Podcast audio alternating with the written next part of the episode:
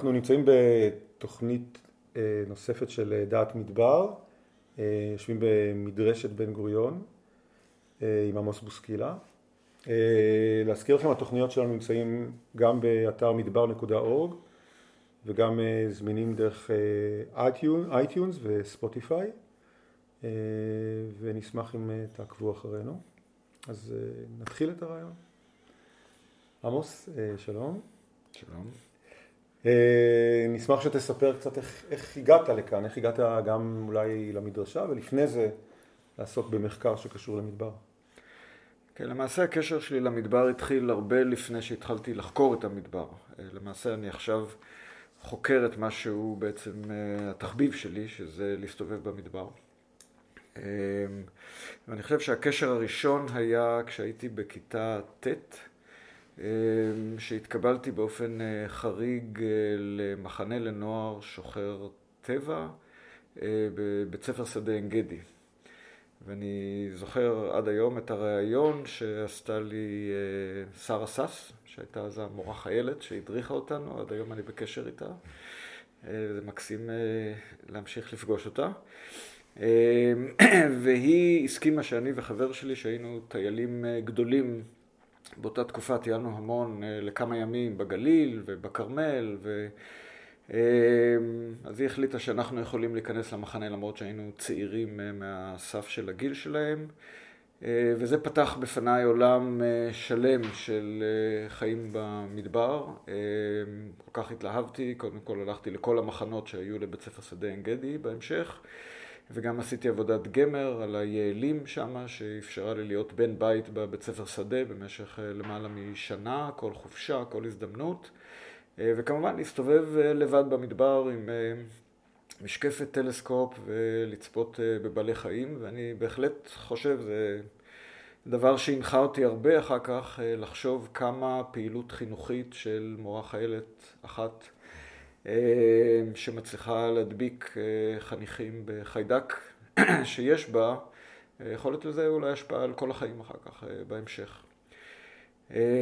גם בצבא בעצם הייתי בסיירת שקד, שזה פיקוד דרום, זה היה מאוד חשוב לי, ואחר כך כל הזדמנות שהיא בעצם רציתי לגור בדרום, הייתי עשר שנים בבית ספר שדה חצבה. הדרכתי שם אה, החל משנת 79 אה, ו...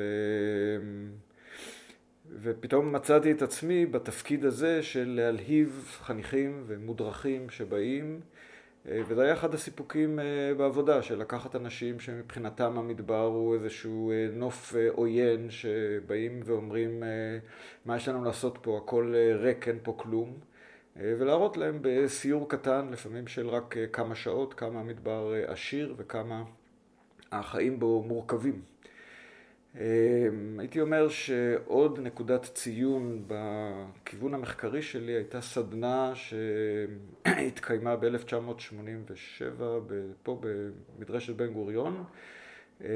זה נקרא What Special in Desert Ecology. אה, ואני הוזמנתי להשתתף אה, בסדנה, הייתי אז בדיוק בסוף של המאסטר והתחלתי לחשוב על כיוונים של דוקטורט ובאו מומחים מכל העולם בנושאים של מדבר.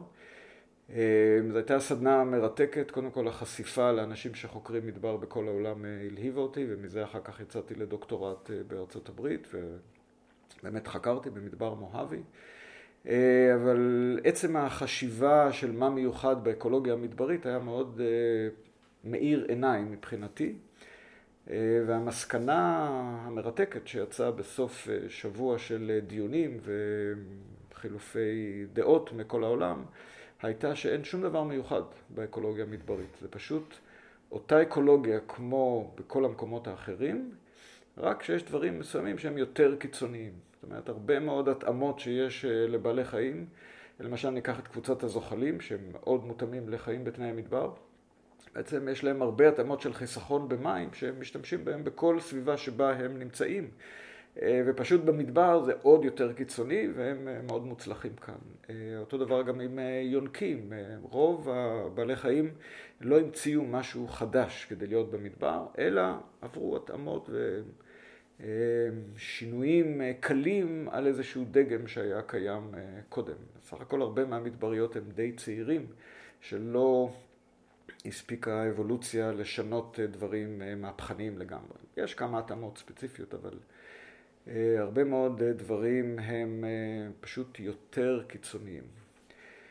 אבל הסיבה שאני כל כך אוהב לעבוד במדבר היא גם מכך שאפשר לראות פה כל דבר. זאת אומרת, הגיאולוגיה היא פרוסה מול העיניים. אפשר ישר לראות איזה שכבות אנחנו נמצאים. אה, הצמחייה מותאמת אה, למסלע שלה, ואז אנחנו יכולים להבין את מה שקורה. אני מאוד אוהב לטייל גם בנופים ירוקים. הייתי גם באמזונס ובגליל כמובן ובכרמל, אה, המקומות שהתחלתי בהם, אבל מרוב צמחייה קשה לראות מה בעצם קורה.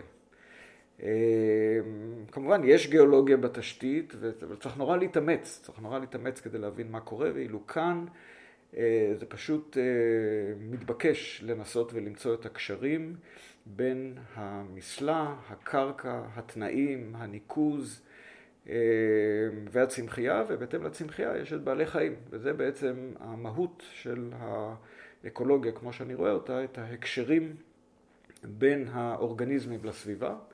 ועל זה מתלבש גם הקשרים בין האורגניזמים עצמם, בין מי שאוכל את הצמחים, מי שטורף את הצמחונים וכך הלאה.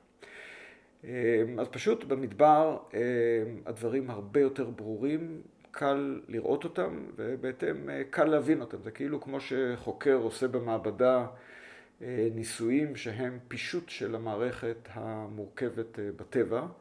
אה, כי הוא לא יכול עם כל הרעש והבלגן שקורה בטבע, הוא חייב לפשט את זה וכמה אלמנטים להוציא אותם ולשלוט בהם. אה, אז המדבר הוא לא מעבדה, אבל הוא פישוט של מערכות שקל יותר אה, לחזור ולחדור ולהבין את מה שקורה שם. זה לא בית הגידול היחידי, בית גידול נוסף שמאוד דומה לזה זה למעשה החולות. אז יש לנו באמת מחקר בחולות מישור החוף. אה, שמבחינת אורגניזמים אה, זה בעצם כמו מדבר. הכמות הגשם שיורדת, שם היא קרוב ל-450 מילימטר גשם, זה לא משמעותי בכלל, כי הרוב לא זמין, הכל מחלחל לתוך החול. הרוח גורמת לככה שהמרחקים בין השיחים הם אה, גדולים, החול על פני השטח מתייבש וחם, מגיע לטמפרטורות כמו במדבר, אז בעצם יש שם בעלי חיים מדבריים שחדרו לנוף ים תיכוני, לסביבה ים תיכונית. וזה דבר מרתק, שאנחנו עובדים כבר אה, למעלה מ-15 שנה, אה, יחד עם רשות הטבע והגנים, אה, לנסות ולעזור בממשק של הנוף הזה כדי לראות איך אפשר לשמור על האלמנטים המדבריים ואוהבי החולות בשטח שיכול להיות שאנחנו מאבדים אותם. אז חלק גדול מהמחקרים שלי הם מעוצבים כך שהם עוזרים לעשות החלטות ממשקיות, להבין את המערכת הטבעית ומזה לגזור אה, נושאים של איך אנחנו יכולים אה, להמשיך את השרידות של מין מסוים או של בית גידול מסוים אה, וכמובן זה קשור כי ברגע שבית גידול נעלם אז בעלי חיים לא יכולים להמשיך ולהתקיים בו.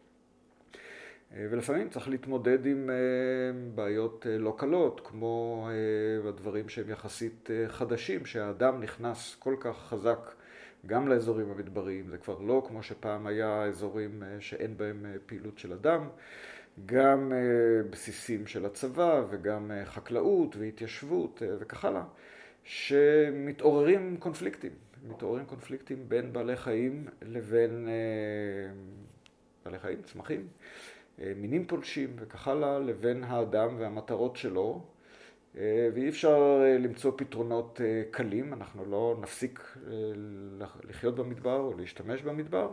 מצד שני, יש לנו אינטרס שהדברים, המערכות הטבעיות ימשיכו להתקיים בהמשך.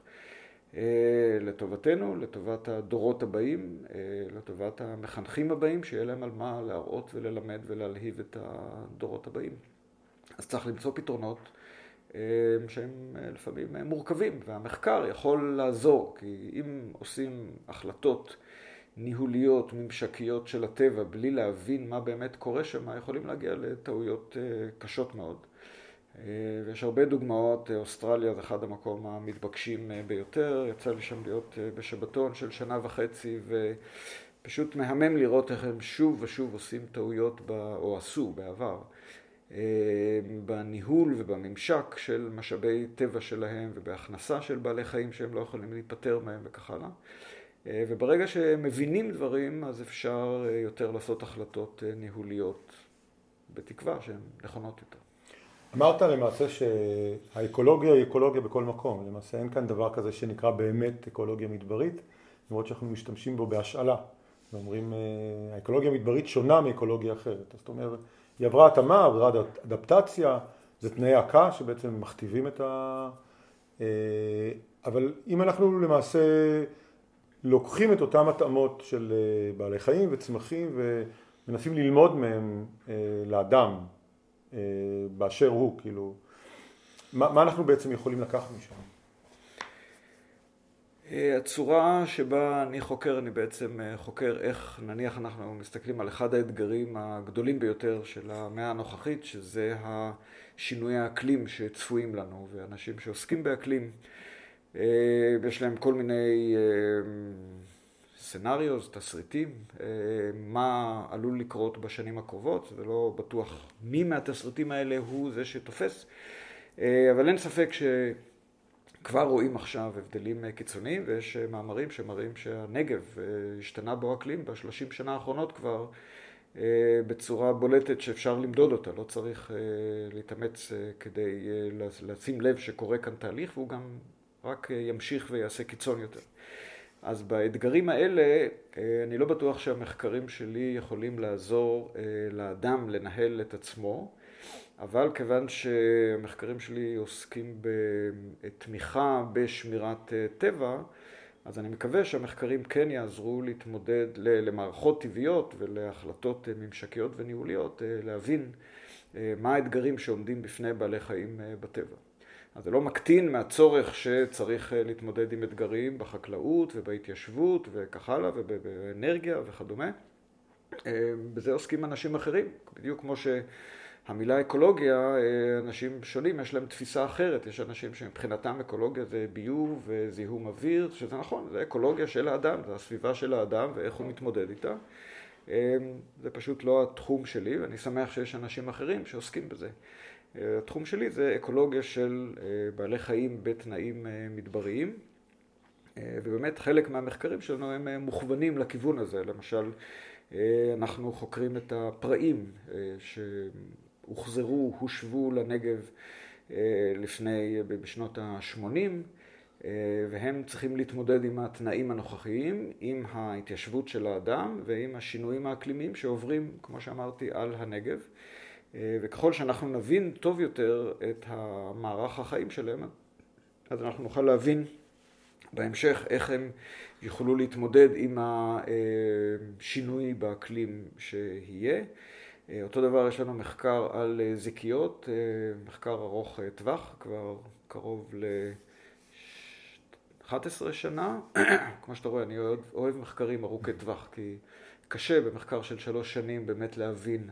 אז אם אני מצליח להתמיד ולהשיג מימון למחקרים לאורך זמן, כן. כן, אז, אז, אז יש בזה יתרונות עצומים.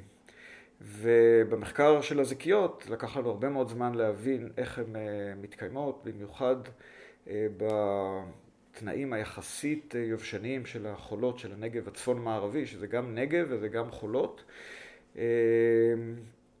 שבהם הצמחייה לפעמים היא מאוד פזורה, ובעל חיים שהוא חי על שיחים, איך הוא מתקדם, איך הוא מתמודד עם העניין של מרחבים פתוחים. אה, ולאחרונה אה, התחלנו להתמקד אה, בנושא של הרבייה שלה, כי הרבה פעמים אנשים שחושבים על איך התמודדו בעלי חיים עם שינויי אקלים, ויש הרבה שעוסקים בעניין הזה בענייני זוחלים. ואומרים, זוחלים תלויים בטמפרטורות החיצוניות ובקרינה, הם מקבלים את המקור אנרגיה שלהם מבחוץ, אז מה יקרה כשהעולם יהיה נניח שתי מעלות יותר? אה, אבל לדעתנו, אחרי שאנחנו הבנו את הקשיים שזיקית עומדת בשלב הרבייה שלה, נראה לנו שההתמודדות עם, אה, עם מה שקורה על פני השטח זה כאין וכאפס לעומת ההתמודדות עם מה שקורה בקרקע. כי כבר עכשיו יש לה אתגר אה, מדהים. היא חיה בשטח הטמפרטורת החול מגיעה לפעמים ל-65 מעלות על פני השטח, והיא צריכה להטיל ביצים שיישארו 11 חודשים בקרקע. זה דבר די נדיר. רוב הזוחלים אה, מדגירים את הביצים שלהם לחודשיים. אז הם צריכים לחזות את התנאים ולמצוא תנאים מתאימים לביצה, לא, לקבוצה של ביצים לחודשיים. כאן, מסיבות אה, של המוצא שלה, רוב החלק גדול מהזיקיות, הביצים שלהם מתפתחות במשך הרבה מאוד זמן, אז היא 11 אה, חודשים, שנה שלמה, היא צריכה לחזות את תנאי האקלים.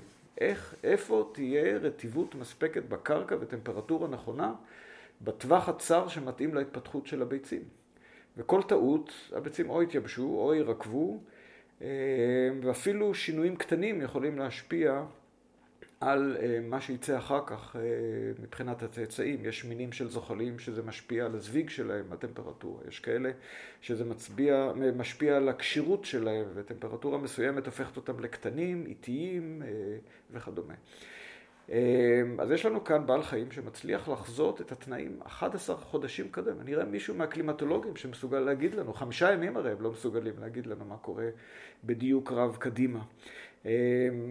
אז היא עברה איזושהי אבולוציה מאוד מורכבת לתנאים מתחת לפני הקרקע, וזה הוביל אותה לכך שהיא מטילה את הביצים בעומק של מטר מתחת לפני הקרקע. יצור קטן שכל האורך שלו 15 סנטימטר. חופר. היא צריכה לחפור, אה, והיא לא בנויה לחפור, היא בנויה לטפס על עצים, יש לה אצבעות מדהימות וציפורניים באמת, ש... וזנב שבנוי לטפס מעולה. אה, על הקרקע, על, על עצים, ועברה אבולוציה של מיליוני שנים, כמו כל הזיקיות במדגסקר ובאפריקה אה, וכדומה, אבל כאן יש לנו תת מין של הזיקית הים תיכונית שחדר למדבר, ופתאום הוא מתמודד עם אתגרים שלאף זיקית אחרת באזור אה, אין אותה, של תנאים מאוד יבשים, שהיא צריכה לחזות אותם 11 חודשים קדימה, אז היא מצאה את הפתרון בעומק של מטר, יש את התנאים הדרושים. אז היא צריכה לחפור וזו משימה שלוקחת לה לפעמים בין 24 אה, ל-48 שעות. אה, היא חופרת מחילה, מחילה לא יכולה להיות אנכית כי יכול להישפך פנימה, והיא צריכה אחר כך לסתום את המחילה, לצאת משם, והיא צריכה גם לחפור בלי שכל הזמן נשפך, אז היא צריכה למצוא שיפוע מסוים של הזווית, ומתברר שהיא עושה כמה ניסיונות עד שהיא מרוצה ממה שהיא חפרה. אז עם כל המאמץ האדיר הזה, מצאנו שזיקית על כל מחילה שהיא מטילה בה את הביצים, אז יש עוד איזה שלוש מחילות לפחות בממוצע שהיא נטשה. אה, ואנחנו אה, בעזרת אה, סטודנטית רעות עין גיל ניסינו להבין מה יש במחילות האלה שהיא נטשה אותן, איזה מידע היא קיבלה, וזה לא שהיא חפרה את כל העומק, אחרי חצי מטר אורך בערך היא נוטשת, כשהיא בעומק של בערך 30 סנטימטר. וזה שיגע אותנו, מה יש שם בנקודה הזאת שגורם לה להחליט, לא טוב לי, אני חופרת אחת אחרת, שזה השקעת אנרגיה עצומה, זה סיכון טריפה כשהיא הולכת לנדוד על החול, שזה לא הבית גידול המתאים שלה, ללכת על הקרקע ולחפש מקום מתאים. והיא בקצה האנרגיה שלה, היא השקיעה את כל האנרגיה בביצים. אנחנו ראינו את זה בכמה נקבות שלא הצליחו ומתו. אה, מצאנו אותם בשטח, אה, אז ראינו שאין להם כלום, זה אור, עצמות וביצים. כל, אין להם מיליגרם של שומן שם, כל מערכות הגוף מנוונות, הכל מושקע אה, בביצים האלה. אה, אז במצב הזה, לקחת ולנטוש מחילה ולח, ולחפור אחת חדשה, זה, זה כנראה מאוד מאוד חשוב לה. ואז אה, בעבודה הזאת עם רעות מצאנו דבר מדהים. היינו בטוחים שהרטיבות בקרקע תיתן לנו רמז, או הטמפרטורה, אבל אמרנו, מה זה, בחצי מטר זה לא אומר כלום על העומק, ובאמת זה לא אומר כלום. זה לא משפיע בכלל, לא על זה הן נוטשות. הן נוטשות על השיפוע שהן חפרו, הן לא מרוצות מהשיפוע שלהן. אז אה, קודם כל התפלאנו, מה פתאום, אה, הרי הן קובעות את השיפוע, למה הן אה, לא מרוצות ממנו? זה קשה כשחופרים, גילינו את זה, כשאנחנו חופרים בחילות, אנחנו גם כן שוכבים על הבטן וחופרים בעדינות כמוהם. לא עובדים עם טוריה או עם כלי עבודה יעיל כדי לא להרוס. אה, וגילינו שכשאנחנו חופרים, אנחנו שמים את החול מתחת לבטן, ואחר כך אנחנו בעצם לא יודעים באיזה שיפוע אנחנו חפרנו ובאיזה שיפוע בעצם נוצר מהחול ששמנו, והיא נתקלת בדיוק באותה בעיה. אה, ועוד כל מיני, אה, המדרון משפיע, נותן שיפוע שקשה לה להעריך אותו. ומתברר שבעומק 30 סנטימטר קורה שם תופעה מדהימה של היפוך טמפרטורות במשך שעות היום. כלומר, בשעות החל בין 10 ל-4 אחרי צהריים בערך, 11, אפשר לזהות את הנקודה הזאת של ה-30 סנטימטר. אה, כי פני השטח חמים, זה הולך ומתקרר, וב-30 סנטימטר זה המינימום טמפרטורה, ואחר כך זה הולך ומתחמם לעומק. אז ההיפוך טמפרטורה הזאת, לכל אורך היום, הטמפרטורה יכולה להשתנות, אבל ההיפוך נשאר קרוב ל-30 אוקיי. סנטימטר, וזאת הנקודה שבה היא נוטשת. אז אנחנו מעריכים שאת המרחק מהפתח היא יודעת, כי כל פעם הולכת ושופכת חול, דוחפת חול. אז את זה יכולה להעריך, נניח. ואת השיפוע היא יכולה לחשב, כי היא יודעת שהיא עכשיו בעומק 30 סנטימטר. זאת הנקודה של ההיפוך. כן, אז היא עושה טנגנס, פשוט מאוד, ואני חושבת, אוקיי, אני יצאתי עם שיפוע אה, מתון מדי, ובשיפוע כזה אני לעולם לא אגיע למטר הזה, אני צריך להשקיע כזה אורך. שאני לא אגיע למרחק, לעומק לא. הדרוש. אז היא נוטשת, ועדיף לה להתחיל מחדש ולנסות שבבא בתור יצליח עם שיפוע טוב יותר.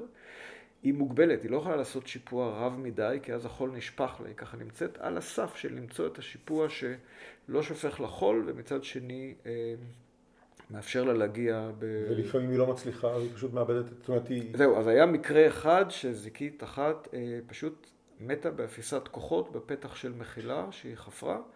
אה, וזאת הזיקית שניתחנו אותה וראינו כמה היא בעצם, אין בה, אין בה שום דבר חוץ מהביצים. אה, כך שהיא על סף החיים שלה בעצם, אה, כי רובם לא שורדות אחר כך, הן חיות שנה אחת. התנאים כנראה במדבר כל כך קשים לזיקית, אה, שבניגוד לזיקית הים תיכונית, שחיה שנתיים שלוש, היא משקיעה את הכל בהטלה של הביצים. ועד כדי כך שהיא ברוב המקרים לא עוברת את החורף. אז כרגע אנחנו עכשיו בעזרת סטודנט, לירן שגיא, שנכנס למחקר עכשיו, אמ, הוא מנסה להבין מה יקרה עם שינויי האקלים, הרי מזה התחלנו. כן. אם יבואו שינויי האקלים, פתאום כל הדוגמה שלה שבעומק מטר את תמצאי את התנאים המתאימים, אה, יכול להיות שהיא לא תמצא אותם. אז אה, הלכנו לנפתלי אמ, לזרוביץ', שהוא חוקר אה, של הפיזיקה של הקרקע, ושאלנו אותו, תגיד, אם הטמפרטורה תשתנה בשתי מעלות על פני השטח, מה יקרה בעומק מטר? יעלה, ירד? הוא אומר, וואו, זה סיפור מסובך, זה לא כזה פשוט כמו שאתה חושב, וזה קשור גם ברטיבות, כי הרטיבות משפיעה על הטמפרטורה, והטמפרטורה משפיעה על הרטיבות. אז יש מודלים מאוד מורכבים, אז עכשיו נכנסנו את זה לשיתוף פעולה איתו, ולירן לקח אצלו את הקורס שמלמד על המודלים האלה, ואנחנו... אנחנו עדיין לא יודעים להגיד בעצם, איך, איך, אה, איך השינוי...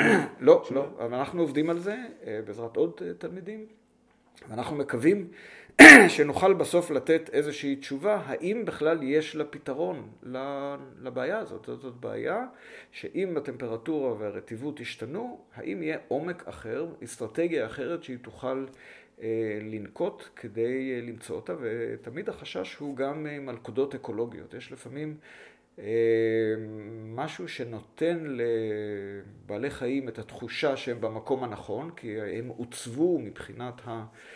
האבולוציה שלהם לזהות זה בית גידול אה, מתאים, אה, ובעצם הם עושים טעות, והם נכנסים למלכודת אה, שברוב המקרים שאני חושב עליהם זה דברים שהאדם מעורב בהם, כי האבולוציה הם הותאמו אליה במשך מיליוני שנים, אנחנו פה באים ומשנים דברים. אתן לך דוגמה מאוד פשוטה עם שנונית באר שבע, מין של לטאה מאוד ייחודית בכל קנה מידה, כי לא סתם קוראים לה בעברית שנונית באר שבע, גם uh, בלטינית קוראים לה אקנטודקטילוס באר שבנזיס, היא נמצאת רק באזור של uh, באר שבע, בכל העולם כולו. Uh, והשטח שלה הולך ומצמצם, כי באר שבע והיישובים סביבה, ומחנות הצבא והחקלאות הולכים ומתרחבים. ואנחנו מצאנו באחד המקומות האחרונים שיש ריכוז די גדול של שוניות באר שבע, אה, לקרן קיימת היו תוכניות אה, לטעת שם עצים, אז רצינו לבדוק מה ההשפעה של העצים, של נטיעות העצים על שוניות באר שבע, וגילינו שבעצם נוצרת כאן מלכודת אקולוגית. קרן קיימת בטוחים שהם אה, עושים משהו טוב לטבע, מוסיפים עצים, אבל בעצם הם נותנים עזרה מאוד קיצונית לדורסים, בזים, לעופות טורפים, גם חנקנים. והשנוניות באר שבע נכנסות לאזורים הנטועים והן לא מזהות את זה כבית גידול שלא מתאים להן, אבל הן פשוט לא בנויות להתמודד עם טורפים בצפיפות כזאת שנמצאים שם באזורים של העצים, והן נטרפות כמו זבובים. הולכות ונכחדות בגלל ה... בדיוק, אז בעזרת דרור אבלנה שעשה את המאסטר שלו ואת הדוקטורט עם ניסויים בעניין הזה, אז הצלחנו להראות שיש כאן בעיה שאנחנו יוצרים להם מלכודת אקולוגית. לשמחתנו, קרן קיימת הקשיבו לנו והיו בהחלט מוכנים לעשות חילופי שטחים עם רשות הטבע והגנים, והשטח ההוא, שהוא כל כך יקר וחשוב לשמירת המין הזה, כי זה באמת המקום היחידי שבו יש אוכלוסייה רצינית וגדולה, לא יטעו, לא בו עצים. אני חייב להגיד במאמר מוסגר שזה לא מספיק לנהל את השטח, לדאוג שלא יהיו בו עצים. למשל צריך לדאוג שיהיה רמה מסוימת של ראייה. ראייה זה לא דבר בהכרח שלילי, אולי ראיית יתר מעל רמה מסוימת זה פוגע בשטח, בהחלט יכול להיות, אבל רמה מסוימת, יש מערכות אקולוגיות שהן עוצבו לקבל רמה מסוימת של ראייה, ולמשל אנחנו מודאגים מכך שבשנים האחרונות לא ניתנו אישורים לבדואים להיכנס לראייה לשטח ההוא של, שנקרא פארק הלס, מסיבות שונות שלא ברור לי בדיוק. רשות הטבע והגנים לא הכניסו ראייה שמה, והתוצאה היא שהשטח עלול להשתנות. זאת אומרת, המאזן האקולוגי הוא מאוד עדין, ולאדם יש בו לפעמים תפקיד היסטורי, ולפעמים צריך להמשיך עם ה... כדי לקיים את התפקוד של מערכות מסוימות, צריך להמשיך לקיים את התפקוד של ראייה ברמות מתאימות, לא יותר מדי, אבל גם לא להפסיק אותם לגמרי. שמענו, דרך אגב, שדיברו, ראיינו מספר בדואים והם דיברו איתנו על העז השחורה ועל הגמלים שבעבר היו יכולים להסתובב פה ולהגיע לכל מיני בארות של מים וגם לאכול צמחים מסוימים וכתוצאה מזה שבעצם הם הגבילו את הראייה או את השוטטות של אותם בעלי חיים, אנחנו, הם רואים, זאת אומרת שוב, הם רואים את השינוי בצמחייה, בצומח וכמובן גם בתחזוקת בורות המים, כי האדם בעצם תחזק את בורות המים ברגע ש... בגלל שהוא נדד עם הגמלים שלו, היום בעצם בורות המים האלה לא מתוחזקים. אתה יכול להגיד את זה גם לגבי האזור הזה, זאת אומרת שהוא אזור דרומי יותר מבאר שבע והוא יותר צחיח, שלמעשה העובדה שהעז לא מסתובבת פה כבר. המערכות שנמצא, שאנחנו נמצאים כאן מסביב, אני חושב שהן פחות רגישות ביחס נגיד לאזורים של הנגב הצפוני, ששם הצפיפות של הצומח וההרכב של הצומח מאוד מוכתב על ידי כמות הראייה. למעשה באזורים האלה, אם יש לנו מספיק חיות בר שנמצאות, אז הן יכולות למלא את התפקיד. אני לא אומר שכמות מוגבלת של ראייה של עיזים, כבשים, גמלים לא יכולה להיות, יש בטח מקום גם בשבילם, אבל לא צריך לבנות עליהם כדי לשמור על המערכות הטבעיות. יש לנו כאן מערכות שהן יחסית עם לא הרבה צמחייה ולכן צריך לשקול היטב ולמעשה זה דברים שצריכים, זה כאן המקום של המדענים שהם צריכים לבוא ולתת את הכלים למדוד אותם. אם בעבר הייתה פריבילגיה שהמדבר היה ענק וההשפעה של האדם הייתה מזערית על כל המערכת בכללותה, אז היום כבר המדבר לא כזה גדול, יש לנו הרבה קיטוע של המדבר, הרבה מאוד אזורים שנגרעו לטובת חקלאות, שזה משנה לגמרי, זה בעצם הופך אזור לא מדברי, וגם נכנסים שם בעלי חיים אחרים, יש לנו עכשיו תנים שנכנסים כאן לאזור של המדבר, קיפודים מצויים, דוחקים את מקומם של הקיפודים המדבריים שהיו כאן בעבר. וזה תהליכים שממש קורים לנגד עינינו בשנים האחרונות.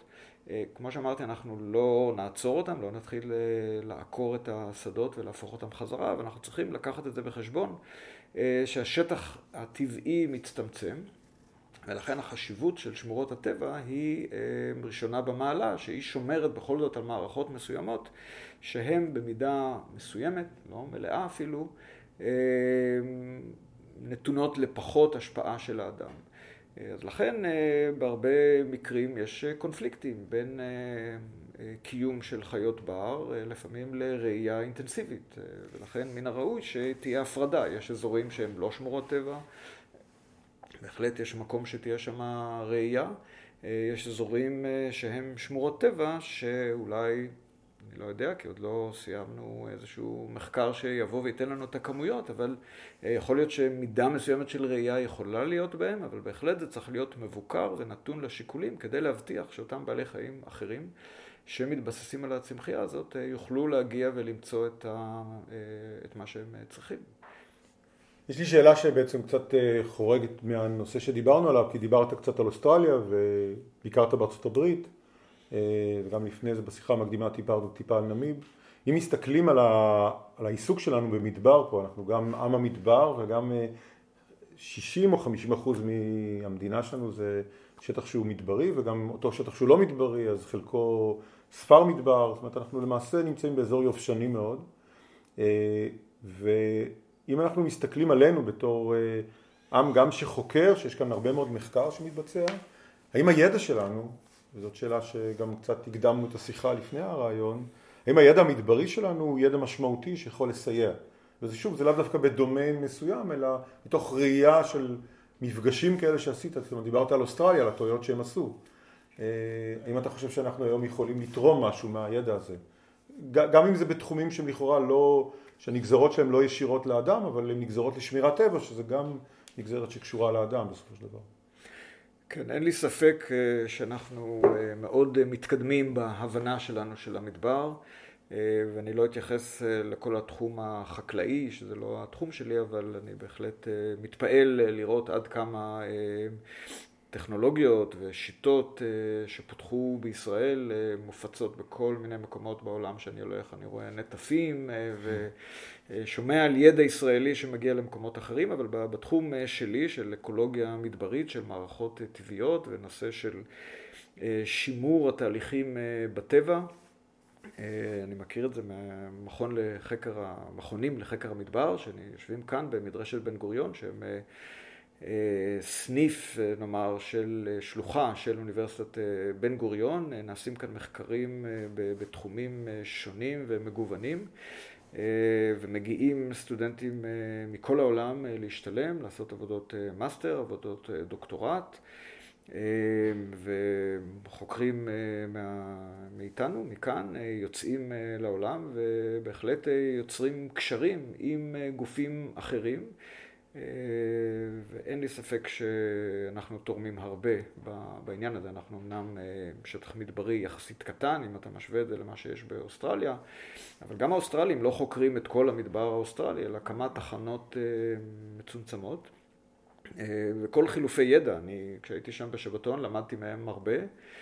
שיטות עבודה, שיטות... של אה, איסוף אה, מידע בקנה מידה גדול עם הרבה מאוד אה, מלכודות ועל שטחים נרחבים ואנחנו מיישמים את זה, אבל גם הם למדו מאיתנו הרבה מאוד דברים ואני חושב שהחשיבות של ההפריה ההדדית היא עצומה בעניין הזה. ואם אנחנו נחזור לנושא שאתה בעצם עוסק בו, היום למעשה התהליכים שאנחנו חווים אותם גם בארץ, זאת אומרת הארץ היא דוגמה טובה לעובדה שה... האוכלוסייה בסופו של דבר, אם המדבר לא מגיע אליה, היא מגיעה למדבר בגלל צפיפות אוכלוסין. זאת אומרת, ישראל הופכת להיות יותר ויותר צפופה, ואנשים למעשה נעים גם דרומה, כמו שהם נעים מאזורי פריפריה אחרים, כדי למצוא את השקט שלהם. אני חושב שמדרשת בן גוריון זו דוגמה טובה, למקום שגדל ב-15 שנים האחרונות, כמעט שילש את עצמו מבחינת כמות אוכלוסין, וזה נכון גם למצפה רמון, וזה נכון גם לירוחם, זאת אומרת, למעשה האזור הזה גדל מבחינת האוכלוסייה, כי הארץ הנושבת אה, כמות התושבים בה גדלים, ואם אנחנו מסתכלים במקומות אחרים בעולם, למעשה התהליכים האלה הם תהליכים זהים, וכאן בעצם המשמעות של מה שאתה עוסק בו, בממשק הזה, בין שמירת טבע אה, לאדם, הוא משמעותי מאוד, הוא מאוד... אה, ושוב, גם ההיבט הזה, ההסתכלות הבינלאומית, האם היא גם פה, יש לנו מה לחדש ומה לספר לעולם? אמ, אני חושב שאין ספק שיש לנו פה אתגרים לא פשוטים עם העניין של הרחבת ההתיישבות. אמ, אין ספק שאנשים שבאים למדבר, אני לא הייתי אומר שהם באים כי צפוף, אין להם איפה להיות בצפון, אלא באמת הם מחפשים את האופי שהמדבר אה, נותן. ואתה יכול לראות כאן אה, במדרשת בן גוריון, אה, בשעות אחר הצהריים לקראת השקיעה, אתה רואה הרבה מאוד אנשים מטיילים לאורך המצוק ובשדה צין, ובמסלולים הממש קרובים למדרשה, זה תושבים שיכול להיות שיום יום הם עושים את הסיבוב הזה, כי זה נותן איזושהי השראה. הנוף המדברי זה דבר שבאמת צריך ללמוד לאהוב אותו, כן? לא כל אחד זה מתאים לו, יש אנשים שזה מאיים עליהם פתאום השקט הזה. אבל אותם אנשים שבאים לגור במדבר, אני חושב שרובם הם באים אה, כי באמת זה עושה להם משהו, זה, זה איזושהי אווירה מיוחדת. אה, ויש אנשים שלא באים לגור, אולי זה קשה להם לבוא לגור ולהתנתק מכל שאר הדברים, אבל לפחות הם באים בחופשות שלהם. אתה יכול לראות כאן שיירות בסוף החגים של פקקי תנועה כמעט, אה, שאנשים חוזרים הביתה בסוף החג צפונה. אה, כי זה שינוי של, הש... של ה-15 כן, שנים האחרונות, בהחלט, זה לא משהו שהיה... זה מהפכה שאתה רואה חניונים מלאים עד אפס מקום, מרוב שאנשים באים לחוות את המדבר. אני חושב שזה קודם כל דבר מבורך, זאת אומרת חשוב שאנשים יכירו, יחוו את המדבר. כמי שמחובר לטבע, לפעמים קשה לי קצת עם ההמונים. אני מגיע למקום כמו... אין סהרונים ורואה שם עשרות אנשים אה, טובלים במים וזה ברור לי שהפראים לא יכולים לבוא ולשתות אה, במקור מים הזה מרוב שהאדם אה, על זה ולכן צריך לספק להם מים בצורה אחרת, במקום אחר, שקט, מוסדר. אבל זה אתגר שצריך להתמודד איתו. אני לא יכול להגיד לך שאנחנו מצאנו כבר את הפתרונות. רשות טבע והגנים מתמודדת עם אתגרים באמת מאוד קשים. אנחנו מנסים לעזור להם, ללוות, ללוות אותם וגם ללמוד מהעולם, כי סך הכל אה, יש מדבריות בהרבה מקומות בעולם, אה, אז מנסים גם לבנות בסיס של ידע חדש כאן, אבל גם אה, ללמוד בעולם איך מתמודדים עם האדם שמגלה פתאום את המדבר, ולא רק הנזירים והבודדים, אלא עם ישראל מגיע למדבר, שזה דבר שיש לו ערך חינוכי רב. אוקיי, okay. uh, תודה רבה, היה מאוד מעניין. Uh, אנחנו נסיים כאן, יש לנו עוד הרבה נושאים לדבר עליהם, אבל אני חושב שבמסגרת החצי שעה שיש לנו בעצם לכל uh, תוכנית כזאת, הצלחנו לכסות הרבה מאוד דברים.